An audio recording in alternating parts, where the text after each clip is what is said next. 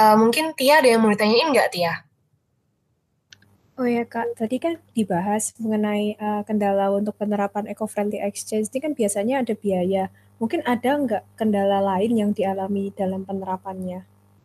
Oke, um, iya sih yang kendala kendala paling utamanya itu biaya biasanya karena kalau kita biasa pernah lihat yang lebih eco-friendly itu justru malah biasanya lebih meningkatkan budgeting gitu ya, bisa, yeah, bisa meningkatkan biaya kita. Kayak misal di hidup kita sehari-hari aja, when we decide to be more eco-friendly, kita mungkin punya harus ngeluarin ekstra biaya lebih untuk hal tersebut. Nah, dan uh, itu kak, kadang-kadang tuh ini agak uh, cerita dikit ya kak. Misal mm -hmm. kalau kita ke supermarket kita bawa tote bag itu kayak masih dianggap sesuatu yang uh, apa sih kok bawa tote bag padahal bisa pakai kresek kayak gitu. Iya benar benar benar. Jadi itu itu namanya si awarenessnya itu masih kurang. Jadi emang itu sih selain kendala, kendala biaya, itu kendala, kendala dari masing-masing manusianya juga yang masih belum menerapkan hal iya. tersebut kayak belum melihat efek eco-friendly dan climate change itu sebagai suatu hal yeah. yang um, bersamaan, ber, real dan saling bersamaan gitu. Jika kita nggak menerapkan eco-friendly, kita bisa meningkatkan um, tentang si kejadian si si climate change itu. Kayak gitu sih apalagi sekarang mulai musim hujan tiba-tiba banyak banget kan um, acara berita-berita yang memberitakan banyaknya banjir di Indonesia yeah.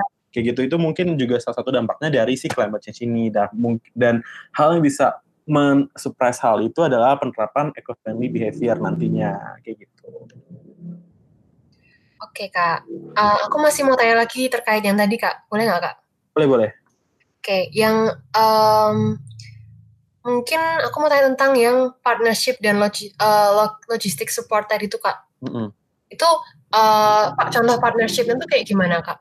Oke, okay, jadi um, sebenarnya ini hal yang simple sih Resha. Jadi misalnya ada, misalnya uh, kita mau nih, kita mau conduct reusable, kita mau bikin welcome kit gitu uh, isinya ada reusable bottles, reusable pens, reusable materials, ya dan lain-lain. Banyak banget. Uh, biasanya itu nggak banyak maksud aku. Misalnya kan nggak banyak ya. Ada organisasi-organisasi yang fokus di bidang hal tersebut. Jadi kita mungkin bisa juga um, apa namanya bekerja sama dengan mereka, misalnya dengan um, organisasi yang memang fokus menggunakan recycling, gitu, uh, merapel recycling gitu di organisasinya. Kita bisa fokus nih, uh, kita bisa bikin partnership dengan mereka kayak um, kita butuh nih pembuatan welcome kit uh, dengan berisi reusable materials kayak gitu. Bisa di provide nggak ya? Terus apa yang bisa kita berikan in return kayak gitu.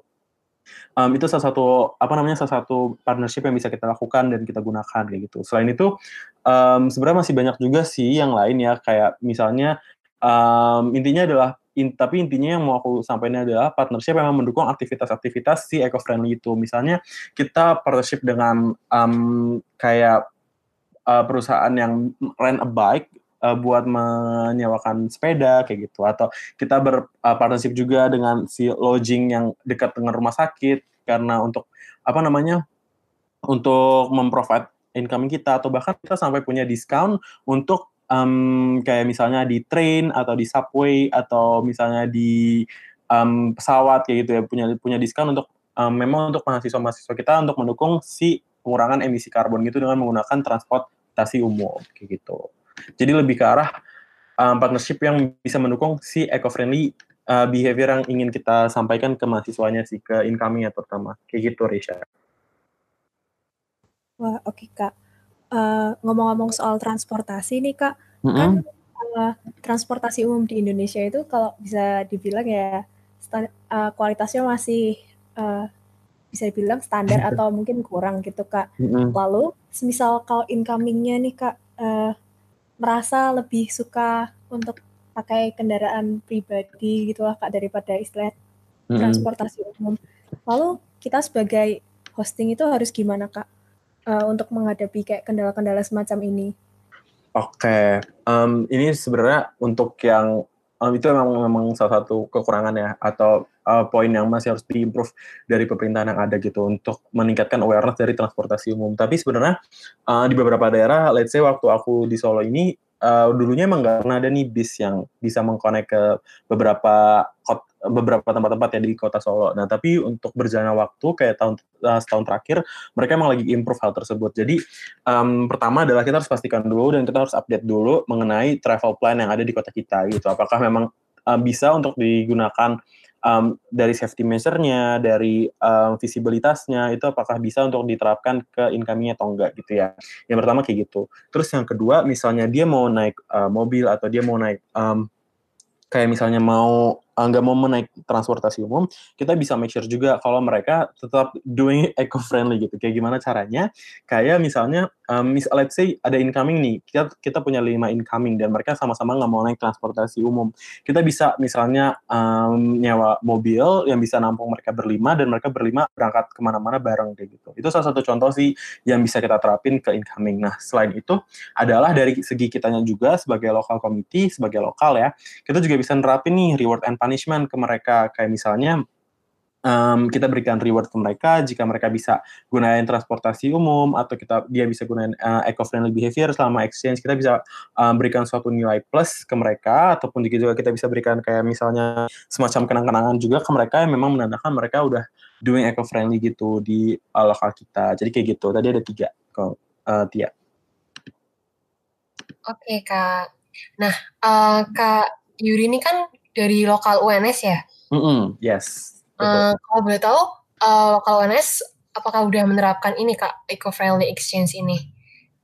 Oke, okay, ini pertanyaan rumitnya untuk eco-friendly exchange. Hmm. Jadi um, waktu aku waktu jadi Leo, uh, waktu aku jadi Leo ini sebenarnya aku masih belum terpapar nih sama eco-friendly exchange. Jadi bener-bener um, ya udahlah um, yang penting jalan nih exchange-nya dengan baik, mereka puas dan member-member pada puas selama nge-house incoming kayak gitu. Nah, um, sebenarnya awareness dari tiap-tiap lokal juga sebenarnya belum di raise up banget ya karena topik ini juga topik yang baru. Jadi aku apresiasi banget untuk teman UKDW udah mau nge-raise up topik ini sebagai salah satu topik podcastnya. Kita tepuk tangan dulu. Uh, gitu ya. Jadi, jadi ini benar-benar topik yang menarik banget buat di raise up. Nah um, aku belum tahu sih sebenarnya apakah Cimsawana sekarang udah nge, uh, jalanin aplikasi si eco-friendly exchange ini.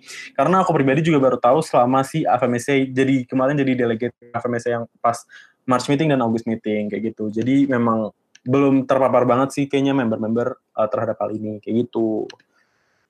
Oh, oh gitu kak. Mm -hmm. uh, oh ya tadi kan kak Yuri juga menyampaikan kalau kak Yuri udah pernah bawain materi ini ya di IFMSA yes yes. Kemarin waktu di online August meeting.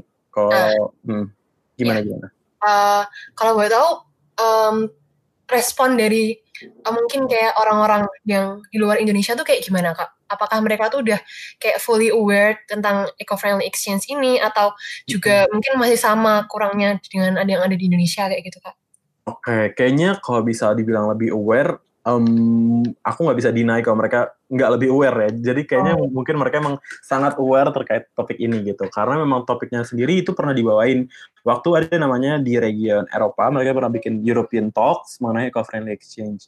Dan terus di raise up lagi selama March meeting di Rwanda, tapi karena memang krisisnya waktu itu lagi krisis COVID, kita lebih fokus ke sana.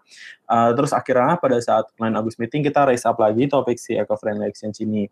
Nah yang terakhir update-nya itu kita um, si FMSA mau membuat polisi dokumen mengenai eco-friendly exchange, terutama di mobilitas sisanya.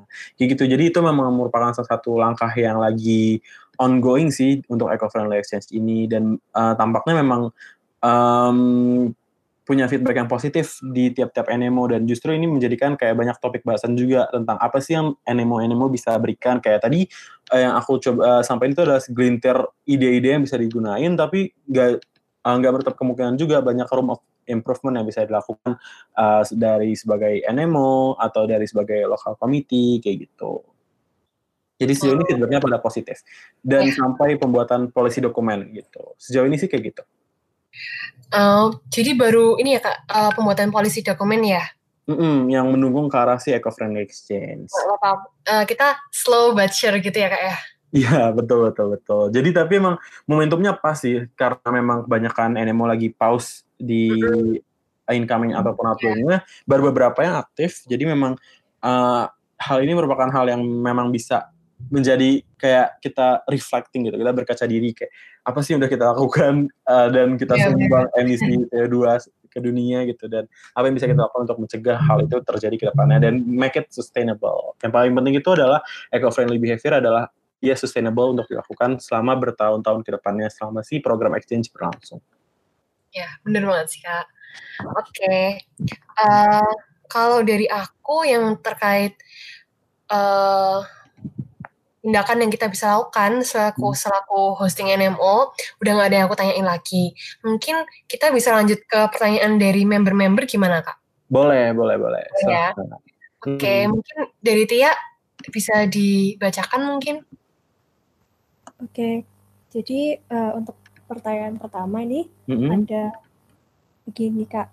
Salah satu cara untuk menerapkan eco-friendly exchange itu kan uh, misalnya dengan memaksimalkan digitalisasi, misalnya setelah seluruhnya bisa dilakukan secara digital, maka kayak penggunaan kertas itu akan berkurang.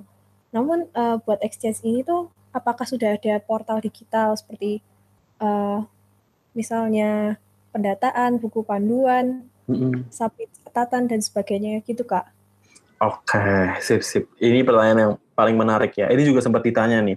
Um, jadi pertama untuk yang call exchange biasanya si local exchange officer dan neo itu kita punya satu namanya database yang nge-track uh, segala dokumen-dokumen dari uh, calon incoming ataupun calon si outgoing kayak gitu. Ada nama database di FMSA, portal di FMSA gitu.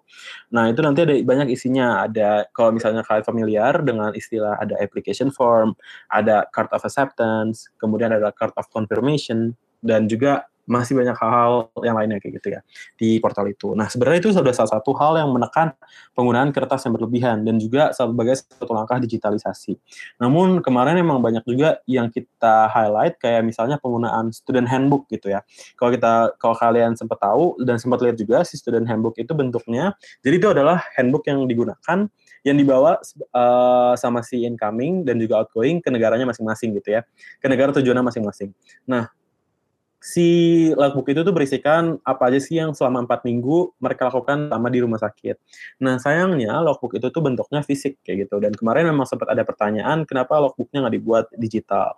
Nah lagi-lagi emang permasalahan di kredibilitasnya sih karena itu juga sebagai tanda dari um, partisipasi exchange-nya. Jadi itu kita masih gunain uh, logbooknya secara uh, hard copy gitu ya lewat uh, lewat buku dan kertas kayak gitu. Nah, tapi nggak ada menutup kemungkinan mungkin ada banyak kebijakan yang berubah nanti setelah si policy dokumen ini selesai dan juga melihat uh, si logbooknya itu. Selain logbook tadi masih berbentuk uh, hard copy itu, itu kita juga masih pakai sertifikat yang hard copy gitu ya. Bisa kalian sempat uh, mungkin Risha sebagai lain sempat lihat sertifikat afirmasi yang hard copy itu juga salah satu hal yang kemarin ditanyakan kita um, setiap international meeting kan setiap neo diberikan sertifikat itu buat uh, student masing-masing.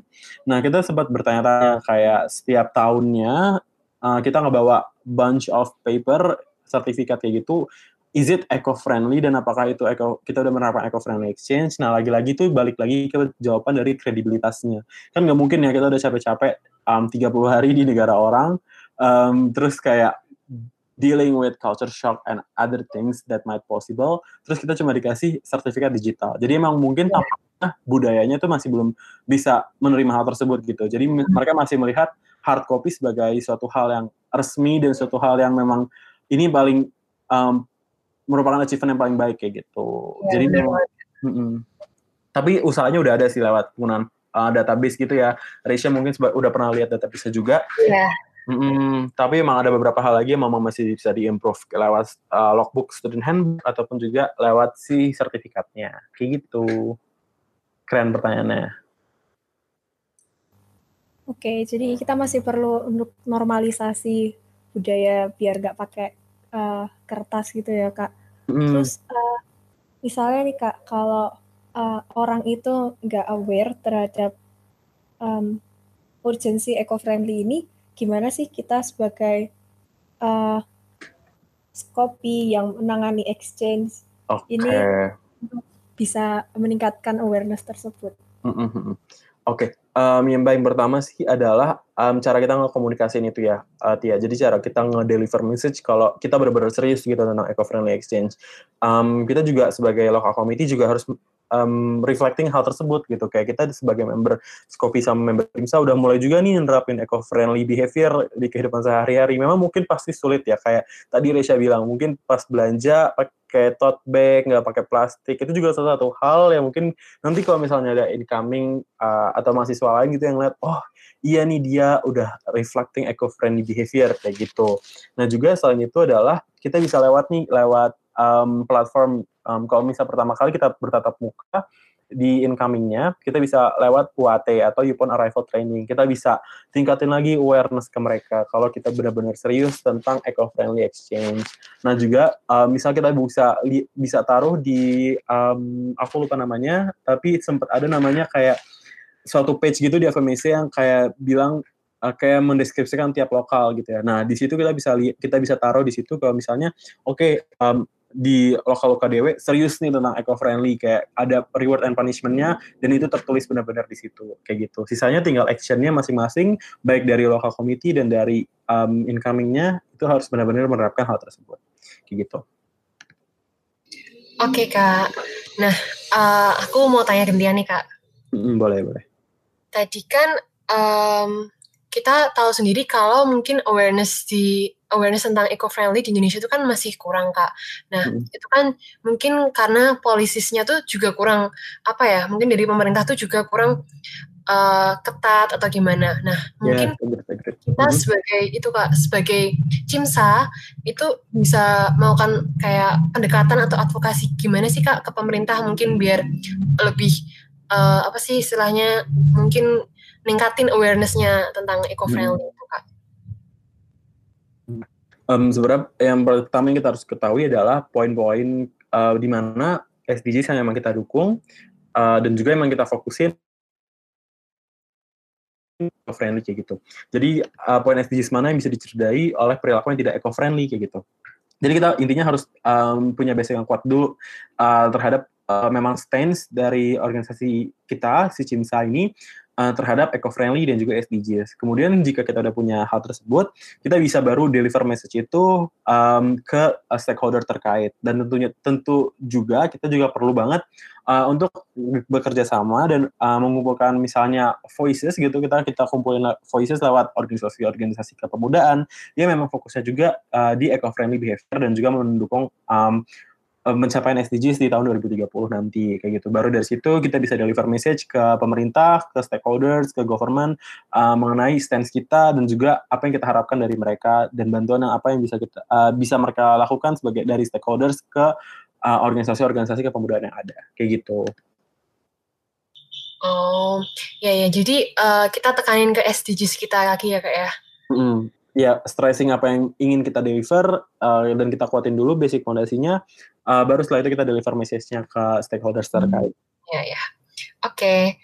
Lalu ini ada juga Kak pertanyaan, hal apa sih yang bisa kita pelajari dan uh, dengan mengikuti eco-friendly exchange ini dan juga apa sih benefitnya bagi mahasiswa? Oke. Okay. Um, yang pertama adalah kita doing earth friendly uh, kepada bumi kita juga. Kita um, melakukan aktivitas yang emang nggak merusak dan nggak merusak lebih jauh tentunya ya. Bumi yang kita emang udah makin uh, makin kompleks sih setiap harinya. Karena dengan climate change dan semua hal yang makin nyata yang yang biasanya kita cuma tahu oke okay, nanti akan ada climate change akan terjadi di tahun sekian kayak gitu. Um, es di gunung ini mencair kayak gitu. Ataupun peningkatan air laut yang juga meningkat. Nah sebenarnya hal tersebut itu makin nyata uh, tanpa kita sadari belakangan ini. Uh, banyak banget banyak banget fenomena-fenomena alam. Kayak kalau kalian sempat ingat di tahun 2020 sebelum covid ini ada uh, sebelum covid ini menjadi pandemi gitu ya maksud aku adalah kita sempat dihebohin sama kebakaran hutan di Australia kayak gitu. Nah itu salah satu uh, dan tahun ini diawali dengan fenomena banjir yang ada di kayaknya udah banyak nih setiap hari kita lihat berita banjir yang ada di Indonesia kayak gitu. Nah tanpa sadar itu adalah salah satu wujud nyata dari si um, climate change. Dan dengan belajar eco-friendly exchange atau bahkan uh, simply just doing eco-friendly behavior selama kehidupan sehari-hari kita sebagai mahasiswa dan juga um, manusia pada umumnya kita udah bertanggung jawab nih uh, terhadap diri kita dan juga terhadap uh, bumi kita sebagai tempat tinggal kita. Kayak gitu. Penting adalah manfaat dan tanggung jawab sih uh, terhadap uh, diri kita dan juga orang lain dan lingkungan sekitar. Gitu sih Risha. Oke kak, uh, Mungkin dari Kak Yuri sendiri ada pesan untuk para pendengar podcast? Oke, pesan ya.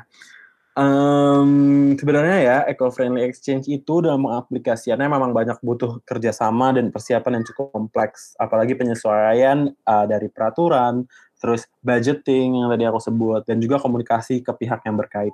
yang terkait. Nah, terus juga kita bisa lihat um, kondisi pandemi COVID-19 yang memberikan disrupsi terhadap program exchange, itu juga dapat menjadi momentum untuk persiapan dan juga pengaplikasian dari eco-friendly exchange uh, ke depannya. Kayak gitu. Jadi yang mau aku terapin di sini adalah um, we need to equip ourselves with the knowledge and the skills to take on active role at local and global level. Kita bisa start campaign, uh, start networking with the right stakeholders uh, untuk reaching goals um, and objektif yang memang kita punya terkait eco-friendly exchange. Kayak gitu, Tia. Oke, Kak. Jadi, uh, kalau yang aku aku tangkap tadi, sebenarnya uh, semuanya itu bisa kita mulai dari diri kita sendiri juga ya, Kak, ya? Yes, benar-benar. Benar banget. Oke. Nggak kerasa juga, kayaknya udah, ini ya, Kak, udah lumayan lama ya kita iya, tapi aktif banget loh ngobrol sama teman-teman UKDW, sama Rachel, ya, sama Cornell. Thank you. Uh, jadi kan uh, kita udah lumayan nih menggali tentang eco-friendly exchange.